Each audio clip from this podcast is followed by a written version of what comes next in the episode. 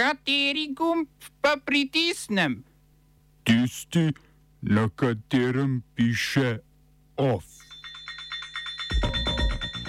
ZDA z dodatnimi 800 milijoni dolarji pomoči Ukrajini.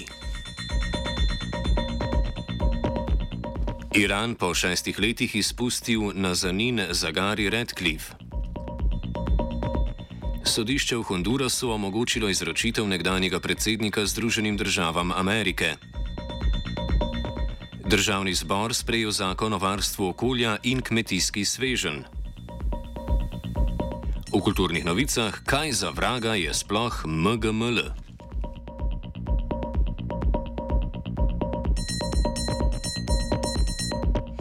Zopet začenjamo v Ukrajini, kjer je nastopil četrti teden vojne.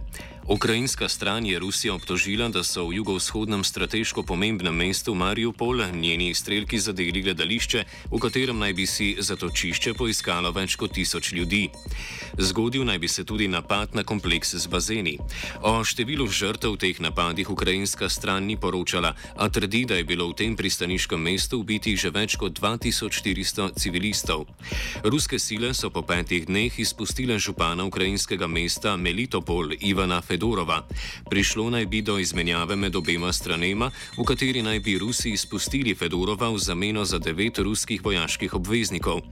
Fedorov je bil zajet, potem ko so Rusi prejšnji teden zasedli to južno-ukrajinsko mesto s 150 tisoč prebivalci.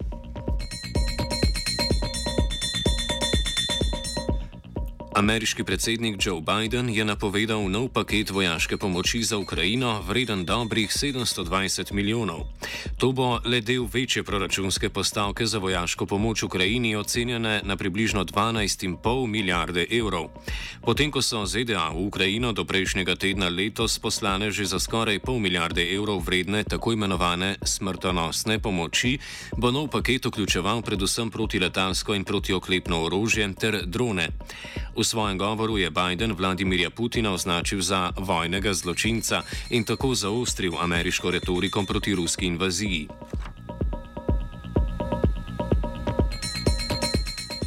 Iran je izpustil britansko-iransko novinarko Nazanin Zagari Redcliffe, ki so jo leta 2016 obsodili na pet let zapora zaradi domnevnega načrtovanja za strmoglavljanje iranske vlade.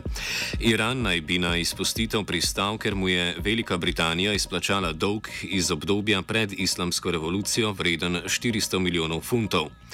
Oktobra 2017 je teheranski generalni tožilec Zagari Redcliffe obtožil, da je na televizijskem programu BBC Persian vodila program, v katerem je ščuvala k rekrutaciji in usposabljanju ljudi za širjenje propagande proti Iranu. Poleg nje so izpustili še podjetnika Anuše Ašurija, prav tako britansko-iranskega državljana, ki je bil zaradi domnevnega vohunjanja za izraelski Mossad zaprt od leta 2017. Oba sta danes po noči že pristala v Veliki Britaniji.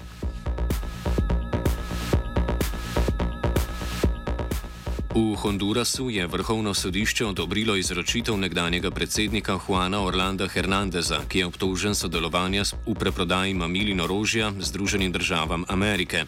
Toživci ameriške zvezdne države New York so Hernandeza obtožili, da je svojo politično kampanjo financiral z denarjem, ki so mu ga dajali preprodajalci mamil v zameno za zaščito svojih pošiljk. Obtoženi je bil aretiran februarja letos, zgolj tri tedne zatem, ko je po dveh mandatih zapustil predsedniško pisarno. Hernandez je dejal, da obtožbe proti njemu prihajajo od preprodajalcev, ki jih je ZDA izročila njegova vlada in zanikal vse obtožbe. Oba, če, če bom odgovoril na angliški. Slovenija will try to help.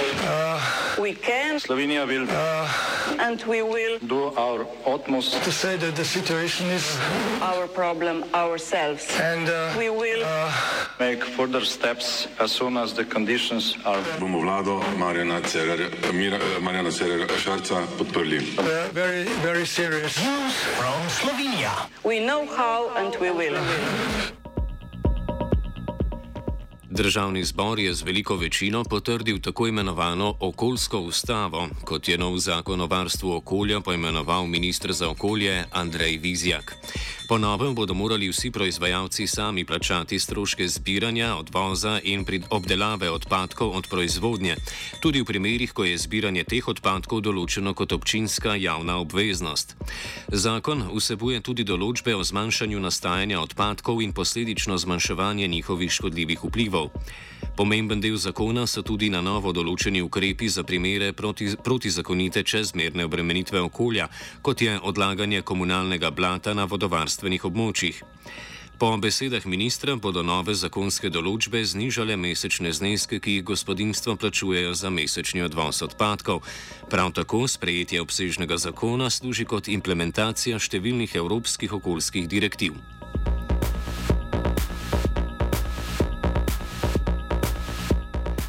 Državni zbor ni bil nadpovprečno produktiven le na okoljskem področju. Na isti redni seji je sprejel tudi svežen kmetijskih zakonov. Najpomembnejša med njimi je novela zakona o kmetijstvu. Implementira skupno evropsko kmetijsko politiko med letoma 2023 in 2027.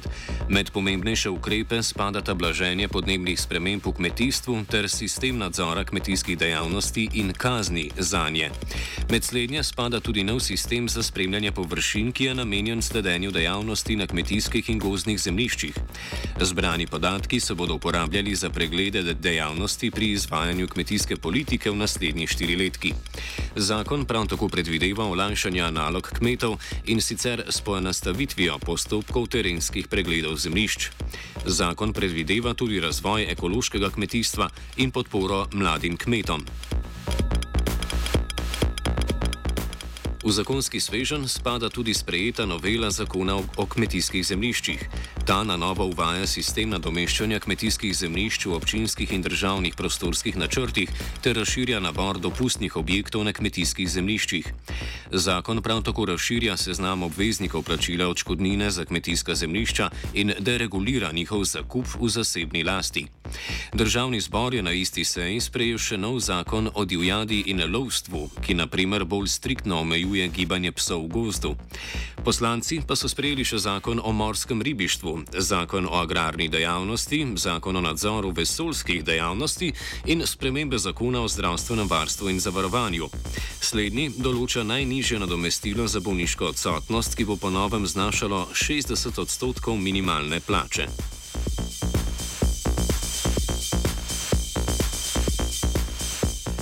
Združenje več kot 100 organizacij civilne družbe, inicijativa Glas ljudstva, se je zbralo na Trgu republike in političnim strankam, ki bodo sodelovali na prihajajočih državno-zborskih volitvah, predalo 138 zahtev, do katerih naj se stranke opredelijo.